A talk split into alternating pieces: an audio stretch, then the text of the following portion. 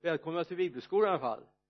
Bibelskolan 2020 och vi tittar lite grann på tolv profeterna och eh, vi eh, har vi då Jona bok som ja vi ska ta lite vi går lite grann i introt här får vi se. Här har vi de där olika profetböckerna. Det är de här röda och heter otagram heter det va? Eller sex är det till och med. Sex hörn är det sex. Sexant ja. Nej vet inte vad det heter.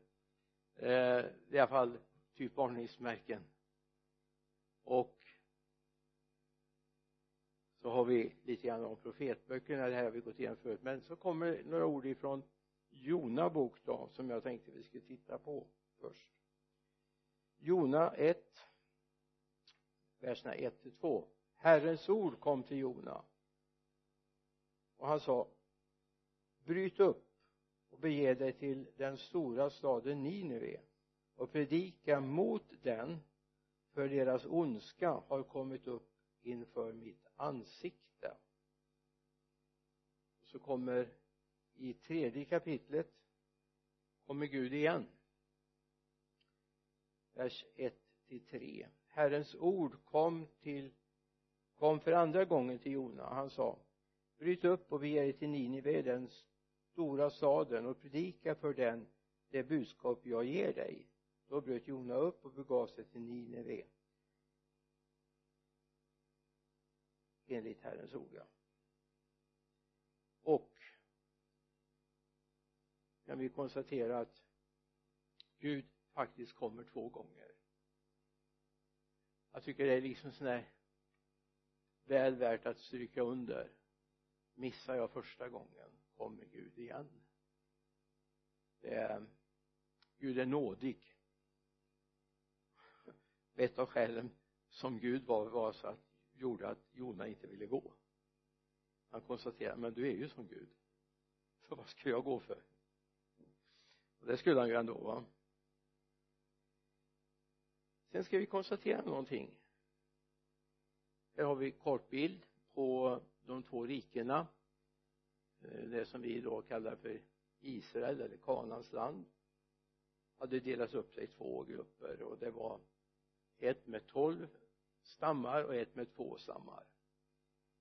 Där uppe har vi Nordriket eller Israel och där nere har vi Sydriket eller Juda. Så har vi profeterna för Nordriket. Det var ju Hosea och Amos. Och så har vi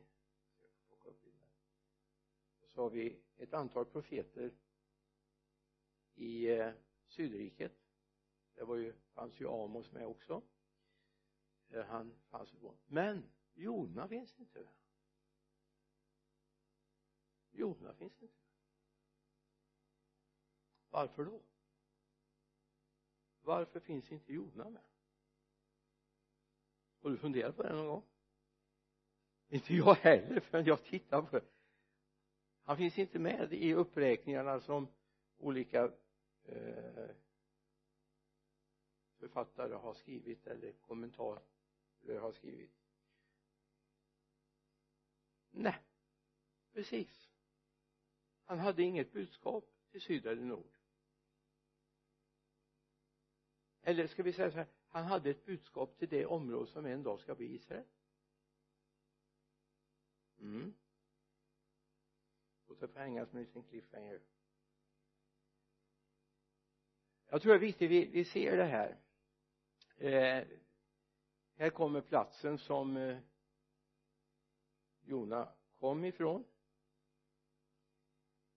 Han var ifrån en plats strax utanför där kommer det strax utanför Nasaret kommer han ifrån. Så han är född i Nordriket eller Israel där, där var han född. Och när eh, Guds budskap kommer till honom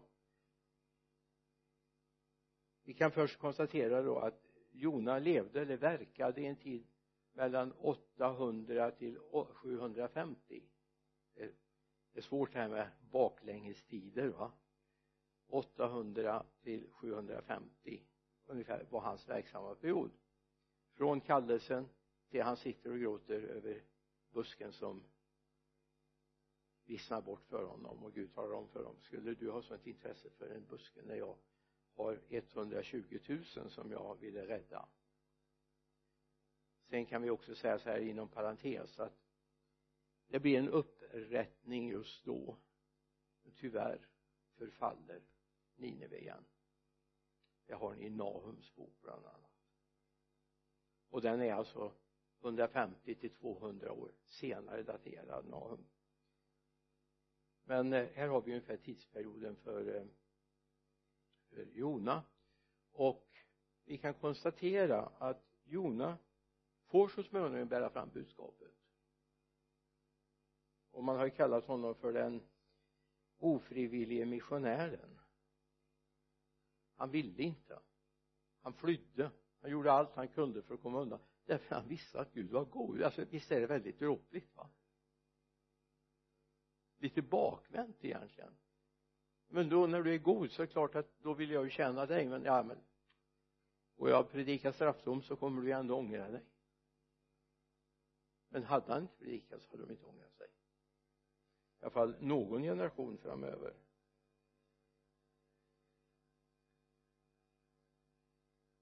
Där har vi land. Då kan vi säga så här det, det område ska vi säga för det första att Jona åker ner till kusten får tag i en båt som ska gå till eh, Tarsis. Det finns lite olika eller uttal för det här ordet. Ni hittar en lite speciell stavning på det i den i vår 2015 års. Var låg det? Var låg Tarsis? Vi förstår han tog en båt dit så att det var, var sjöväg i alla fall dit. Ja om ni tänker Israel i öster i medelhavet och så tar ni medelhavet Spanien i väster och man passerar genom Gibraltar och på sydvästkusten räknar man med att Tarsis låg. Så det var en ganska avsevärd sträcka resa. Ja, men i vår tid med snabba fartyg så var det inte så märkligt. Men här var det segelfartyg. Det var inga ångmotorer i de här. Och därför var de ju beroende av vind. Men eh, det blev lite galet. Men det kanske inte hade med det att göra. Det hade med att man hade fel passagerare. Men det är en avsevärd sträcka. Och så småningom så vi skulle kunna titta i profeten Nahum där att han skriver ju då cirka 150 år senare eh, ja ungefär. Så skriver han en hälsning. Och då finns det ingen nåd längre för för eh, landet och Nineve. Det fanns ingen nåd längre. Ni har bibelordet i Nahum 1 1 och 7 till 11 det står att profetera om Nineve boken med Nahum från Elekassa syn. Herrens vrede över Nineve. Herrens vrede över Nineve. Den här gången så gjorde man inte den omvändelsen så att Gud hade ingen möjlighet att ångra det han har sagt. Och sen kan vi väl säga då att när väl Jona ger sig iväg så är det inte sjövägen. Det går ingen sjöväg upp till Eh, Nineve. Om du har lite grann av kartan ifrån Irak så kan du ungefär utefter Tigrisfloden hitta Bagdad. Men du fortsätter norr om Bagdad. Det ligger idag en stad som heter Mosul. Mosul ligger på östra sidan om stranden. Nineve påstås ligga på västra sidan om Nineve eller om Tigris. Men där ungefär strunt samma på vilken sida det låg men alltså där som Mosul ligger idag där låg Nineve. Det är från lite grann jag har inte räknat på det själv utan jag har tittat vad andra har räknat. Och sagt någonstans mellan 80 till 130 mil. Vi kan lufsa iväg. Ja hur han transporterade det vet vi inte. Vi vet bara att han reste till Nineve. Och det var huvudstad i Assyrien.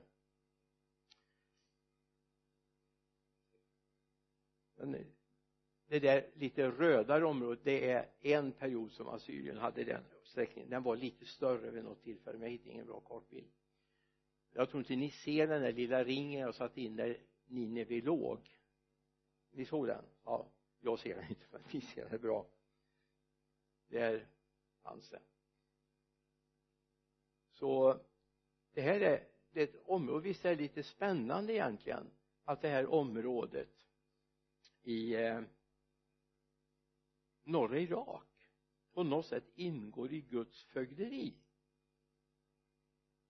Alltså vi lever kanske ofta i tanken att Gud talar till Israels folk Gud talar genom Israels folk till vår tid då.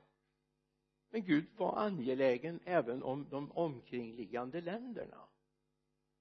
Och här är det assyriska riket som så småningom också skulle svälja Israel så småningom i sin ondska. Och sen Ninive eller assyriska riket var för ungefär 2000 före Kristus. Jag skulle kunna ta storyn där också men det kan vi släppa. Eh, det finns en man i första Moseboks tionde kapitel som vi läser om heter Nimrod. Nimrod har ni hört talas om. Tionde kapitlet vers 11 nej 9 11 sa jag men där står det men i, i 9, 10, 11 där står det om, om Nimrod som eh, byggde Nineve och flera städer. Och eh, det assyriska riket började alltså år 2000 före Kristus. Och det upphörde tror man 612 före Kristus. Under den perioden fanns det assyriska riket. Och det var ett väldigt, det var ett världsimperium på den tiden men Gud hade alltså ett budskap till denna världsmakt som Assyrien var då. Jag tycker det är väldigt spännande om jag får ha en synpunkt för det får jag väl. Vi kan också konstatera att vi läser om att det smiddes onda planer i Nineve. Nineve var alltså huvudstad i det assyriska riket. Det var en annan stad från början men den senare delen av den här perioden så var Nineve huvudstad och därför var det angeläget för Gud att komma åt huvudstaden. Och jag, jag tror att det ligger någonting mer i det egentligen även i vår tid även om inte maktfullkomligheten är så koncentrerad runt en plats, en huvudstad, ett kungadöme på det sättet som, som det var då va? Men kungens ord på den tiden var det var, det var lag. Det, det ser vi när man gör rätt och rättar ting i Jona boks tredje kapitel här va ser vi att det kungen gör betyder väldigt mycket. Vi ser en beskrivning av den tiden. Men här kommer då kallelsen, första kallelsen i Jona 1 eh, och 1 ja till 3 står det ja. Herrens ord kom till Jona Amitjats son. Han sa bryt upp och bege dig till den stora staden Nineve och predika mot den för deras ondska har kommit upp inför mitt ansikte. Men Jona bröt upp för att fly till Tarsis bort från Herrens ansikte och han kom ner till Jafo och fann där ett skepp som skulle gå till Tarsis. Han betalade för resan och gick sedan ombord och reste med dem till Tarsis bort från Herrens ansikte. Det här är väldigt egentligen tydligt upproriskhet eller rädsla eller vad man ska kalla det för. Ehm, det är ju inte alltid som det är så här tufft som det blev men det blir väldigt tufft för honom. Men om vi vet då vi har ju läst facit vi vet ju att han överlevde. Eller hur? Det var, det var en verkligt tuff strapats jag menar Gud har ju omsorg även mitt i i straffdomen. För det var ju en straffdom han gick igenom. Och han kunde ju tagit med sig. Bryt upp och bege dig till den stora staden och så är det han eller ondskan har kommit upp inför mitt ansikte. Alltså Gud skådar över hela jorden och ser alla människor och ondskan som görs bland människor ses kommer upp inför Guds ansikte. Och jag tror det är viktigt att vi ser det. Att Gud ser ondskan även om ingen annan ser den. När han gick ombord på båten Jona så var det förmodligen ingen av de andra på skeppet som anade vad de skulle utsättas för. Det tror jag inte. Jona får ett uppdrag han finns i ett land men kallas ett annat land Assyrien. Han finns i Israel och Gud kallar honom till ett annat. Det här säger mig någonting Gud är intresserad. Inte bara om det här lilla landremsan och läser vi då första Mosebok bland annat vi kan läsa löften som finns i gamla testamentet Israel ska bli mycket större. Och jag, jag är nyfiken om det nu bara blir över någon timma så är jag nyfiken på när det ska hända. Jag menar Jesu återkomst är ju också för dörren, eller hur?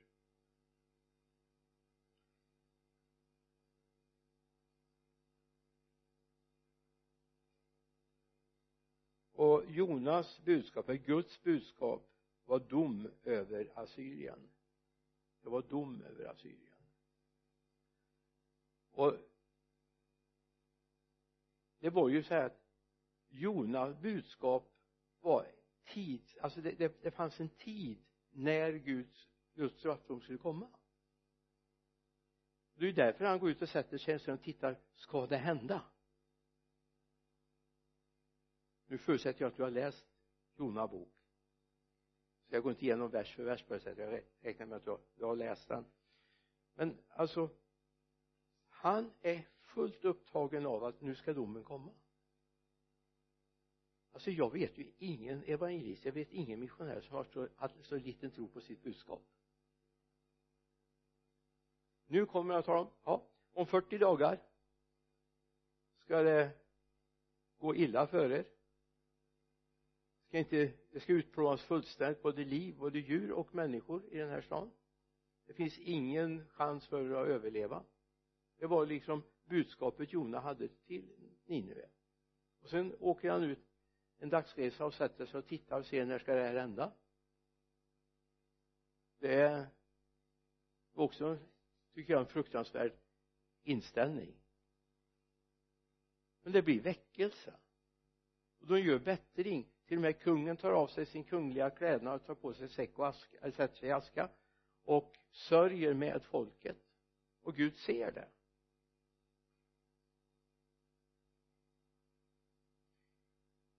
Om vi går till eh, Jona 1 och 2 där hade vi sen kommer det ett ord i Jesaja 10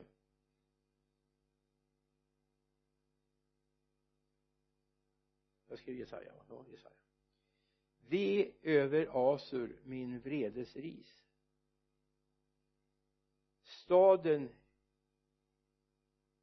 ve över min vredes ris ja staven i hans hand är min harm. Jag sänder honom mot ett gudlöst folk mot ett folk jag är vred på. Jag befalla honom att plundra och ta byten och trampa ner dem som smuts på gatorna. Och så profeterar Jesaja över Asur eller över Assyrien. Det, det finns en vrede upptänd hos Gud det är ju inte liksom riktigt den bilden vi har av Gud. Att Gud vredgas över synden. Inte över det rättfärdiga inte de som gör det men han vredgas över dem som gör orätt. Och därför skulle en dom komma men så kom ju då en omvändelse som var väldigt väl eller hur? I Jona 4 har eh, det konstaterar Jona varför han inte ville gå. När han ser då det här Guds godhet mot landet så säger han men Jona tog mycket illa vid sig och blev arg. Han bad till Herren och sa o herre var det inte det jag sa när jag var kvar i mitt land? Därför vill jag förekomma det och fly till Tarsis. Jag visste ju att du är en nådig och barmhärtig Gud sen till vrede och stor i nåd och beredd att ångra det onda. Ta nu mitt liv herre för jag vill hellre dö än leva. Men herren sa har du rätt att vara arg? Man kan ha väldigt mycket olika ursäkter för att inte göra det Gud vill. Han gladdes inte över omvändelsen han väntade på 120 000 människors omkom, att skulle omkomma. Så det var verkligen en ofrivillig missionär. Men det blev väckelse i den här staden. Nu ska ni få prata i grupper en liten stund. Frågorna har ni här.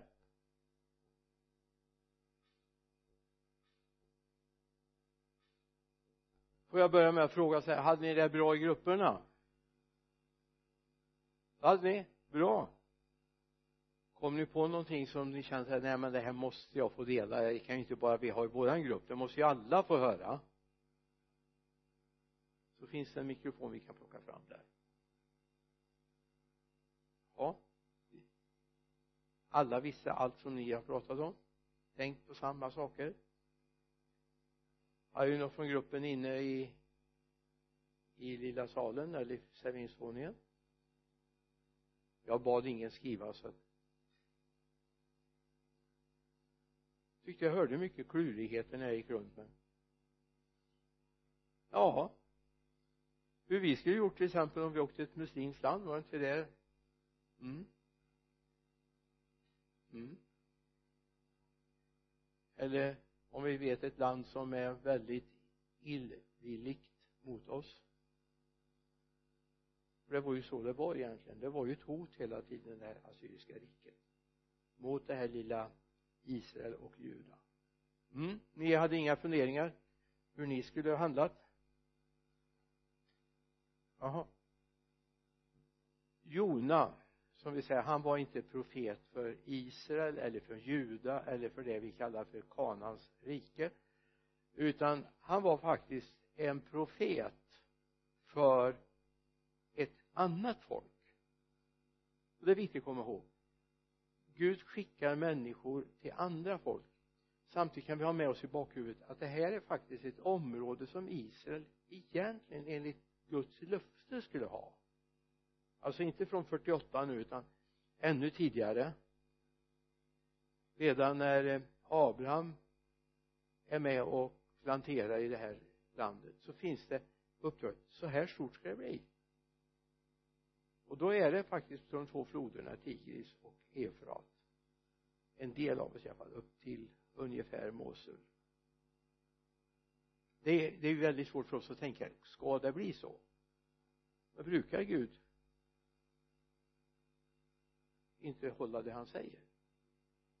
Nej och det är viktigt att ha med oss. Men det fanns ett budskap till det här landet. Det här vi läser vi hoppar över först Johan, Johan Jona 1 och 2 när budskapet kom. Och så var det i andra kapitlet redan i första kapitlet ser vi att Jona flyr. Vi har det redan i vers 7 va? Så står det att han flyr. Han sätter sig på en båt han åker iväg till ett annat land. Men när vi kommer in i det här sammanhanget så kommer man på honom. Men att fly från Gud är ju egentligen ganska meningslöst. Eller hur? Vi har ju en psalm som handlar om det. Psalm 139 jag tittar i den.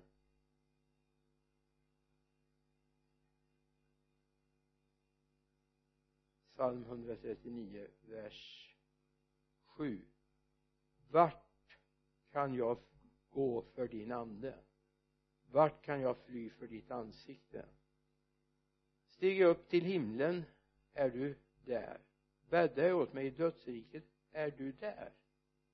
Tar jag morgonrodnadens ringar gör jag mig en boning ytterst i havet. Se också där din hand leder mig och din högra hand håller mig. Säger jag låt mörkret täcka mig och ljus bli natt omkring mig så är inte mörkret mörkt för dig natten lyser som dagen mörkret är som ljuset. Alltså det är meningslöst att fly från Gud. Tror ni Jona är den enda som har försökt? Nej. Det är många. Och det finns människor i vår tid som flyr från Gud. Det finns människor som vet att Gud ville att de skulle göra det eller det. Men de är på flykt ifrån Guds ansikte. Och jag tänkte mig ibland så här att det finns företagsledare på stora företag i vårt land som egentligen lever med en kallelse att tjäna Gud.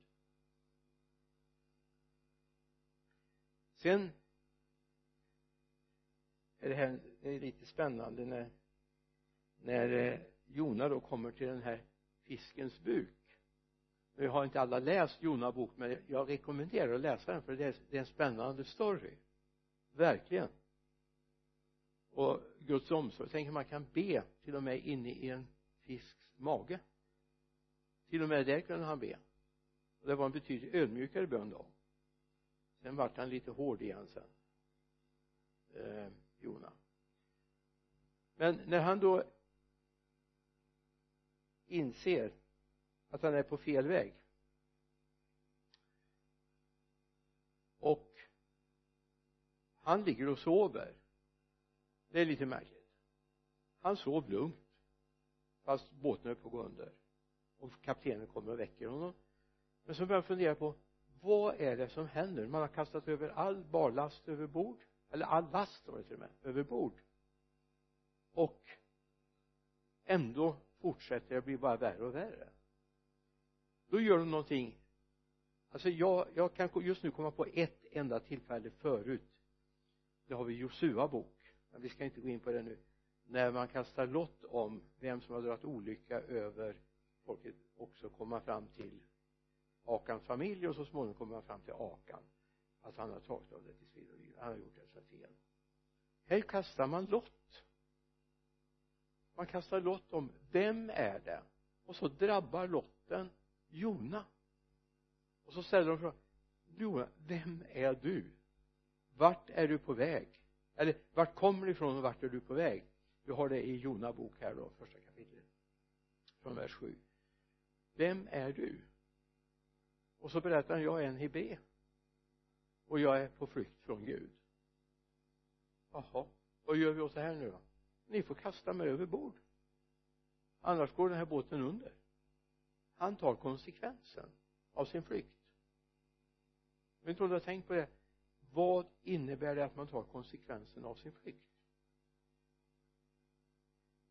Vad hade hänt om han inte hade tagit konsekvensen? Man hade kastat honom över bord ändå har du funderat på det? Ja men det är ju du som förorsakar. Det är klart att vi slänger över bord. Vad ska jag ha med dig för? Du ställer till olycka. Vad hade hänt med Jona då? Finns det en hemlighet i att han erkänner? Jag är på flykt från Gud så ni får slänga mig över bord.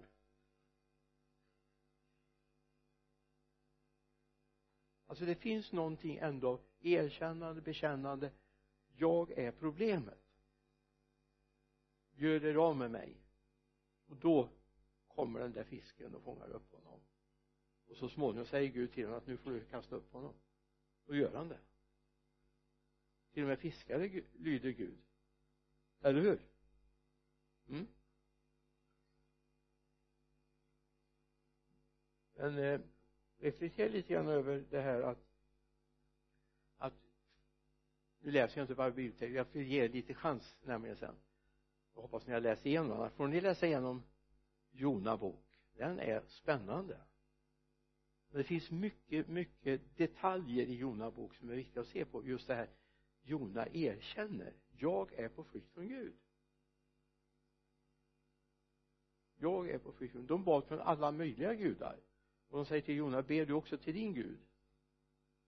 Det gör han naturligtvis. Men när de kastar lott så erkänner de, bekänner jag är problemet. Jag är problemet. Så båten går inte under. Jona hamnar i sjön. En fisk tar hand om honom. Och här finns en förebild. Jag är lite sådär jag vet det har hänt, i Matteus evangeliet har vi bland annat ett citat att så som vi har bara Jonatecken så som han var tre dagar och tre nätter i fiskens buk så ska Jesus vara i jordens sköte till dess han ska uppstå och så vidare. Så det var en förebild på Jesus och vad är det som frälser? Jo genom att han bekänner då. Jesus hade ju ingenting att bekänna.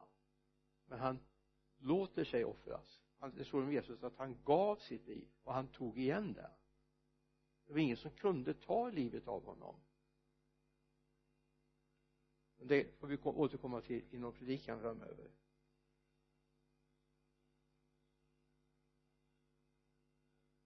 I tredje kapitlet kommer det tillbaka den här andra omgången då. Nu gick han iväg och predikade. Och nu kommer jag faktiskt skicka snart er till grupper igen. Nu ska ni ha med fjärde Mose eller fjärde kapitlet i Josua. Jona bok Jona jag börjar bli trött.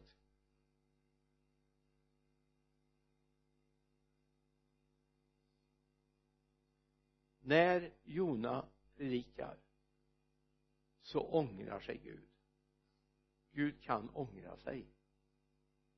Gud kan ångra sig. Gud skickar inte iväg oss bara en gång. Gud kan skicka oss två gånger, tre gånger om det så är hans vilja.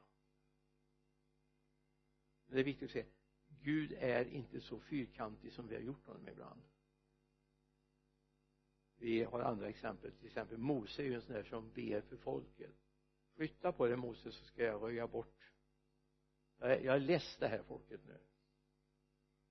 Och då säger han då får du stryka ut mitt namn ur boken du skrivit i. Det gör inte Gud.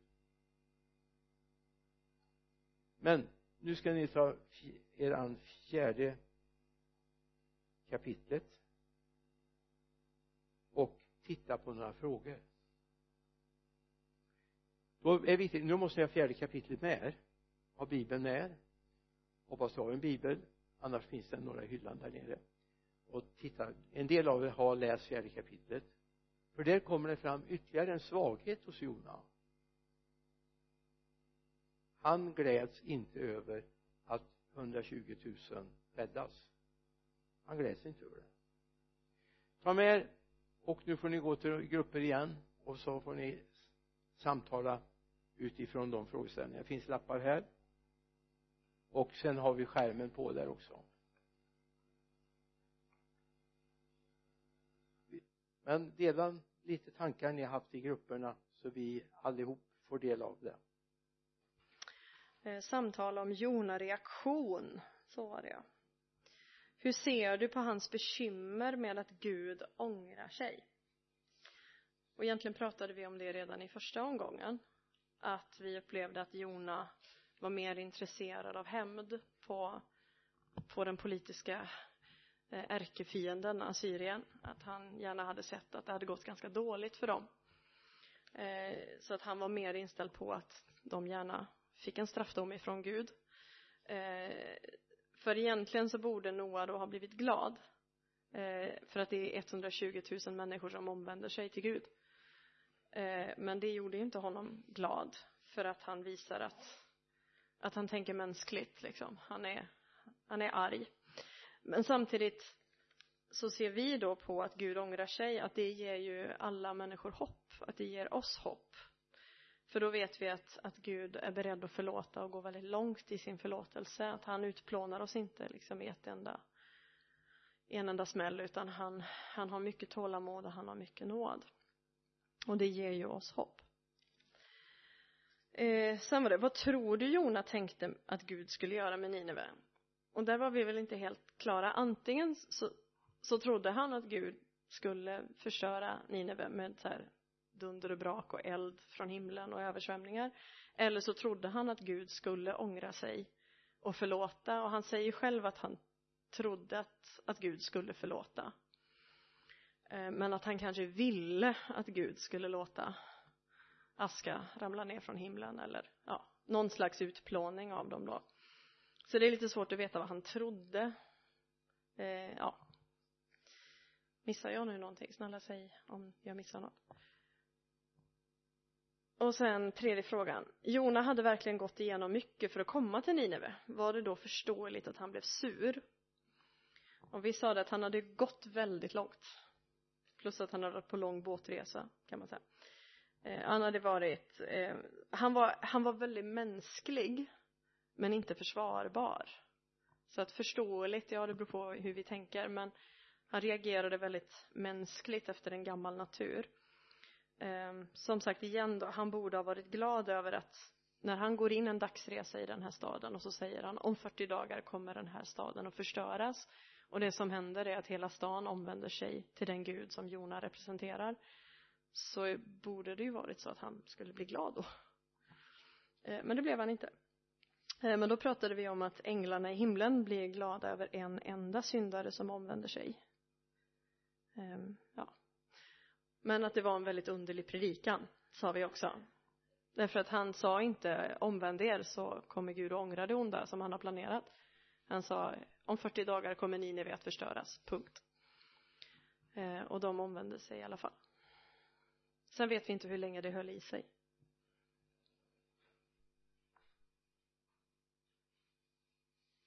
Vi sa att han var rätt så kötslig och mänsklig i sin reaktion och att han var säkert jättebesviken eftersom hans uppdrag gick, gick i stöpet. Plus att Herren räddade ett fiendefolk och det var ju oväntat säkert men också det talar också om Guds förbarmande över hedningarna redan då. Att frälsningen är för alla folk. Att det är en förebild för det. Sen sa vi också att eh, han var väldigt oförsonlig Jona. Att han ville ju verkligen att de skulle förgöras liksom. Han hade inte så mycket barmhärtighet i sitt hjärta. Han var alltså Gud gick ju till rätta med honom att eh, har du inte förbarmat med 120 000 människor? Och så sörjer du över en resinbuske. Att han var han var rätt så hård i sitt hjärta. Och sen, sen sa vi också att vi skulle vilja se del två då. Jona två. Och se liksom vad hände sen? Blev han mjukare i sitt hjärta och förstod vad Gud gjorde? Och varför Gud gjorde det? Och inte bara arg och, och så här kötslig reaktion då. Ja men vi, vi vet ju inget vad som hände sen faktiskt. Det finns ingen del två.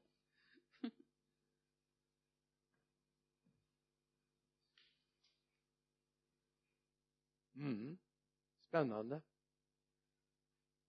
Vi har ju inte hela alltså vad var det Gud sa att han skulle göra egentligen? Och vi har, vi har ett fragment av det men vi vet inte hela sen kan jag hålla med Ronny om att det är en märklig predikan. Det är i alla fall inte utifrån nya testamentets principer det kan vi ju säga. Sen ska vi komma ihåg den spänning som är mellan folken också. Så det mm fortsätt i Nahum två eller 150 år senare och utplånas assyriska riket. Så det herre vi tackar dig för att också Jona bok kan lära oss någonting om vem du är. Tack herre för att du är god mot alla som söker dig och ber om ödmjukhet. Tack för att du gjorde det med Jona. Och räddade honom trots att han var orsak till den olycka som höll på att drabba båten. Tack för att du räddade också det assyriska folket där i Nineve. Men nu tackar jag herre för att du också ska se oss här att vi ser att vi har en ödmjuk, en förlåtande, en ångrande Gud som inte vill straffa någon utan Herre vill frälsa. Herre jag ber om det. I Jesu namn. Amen.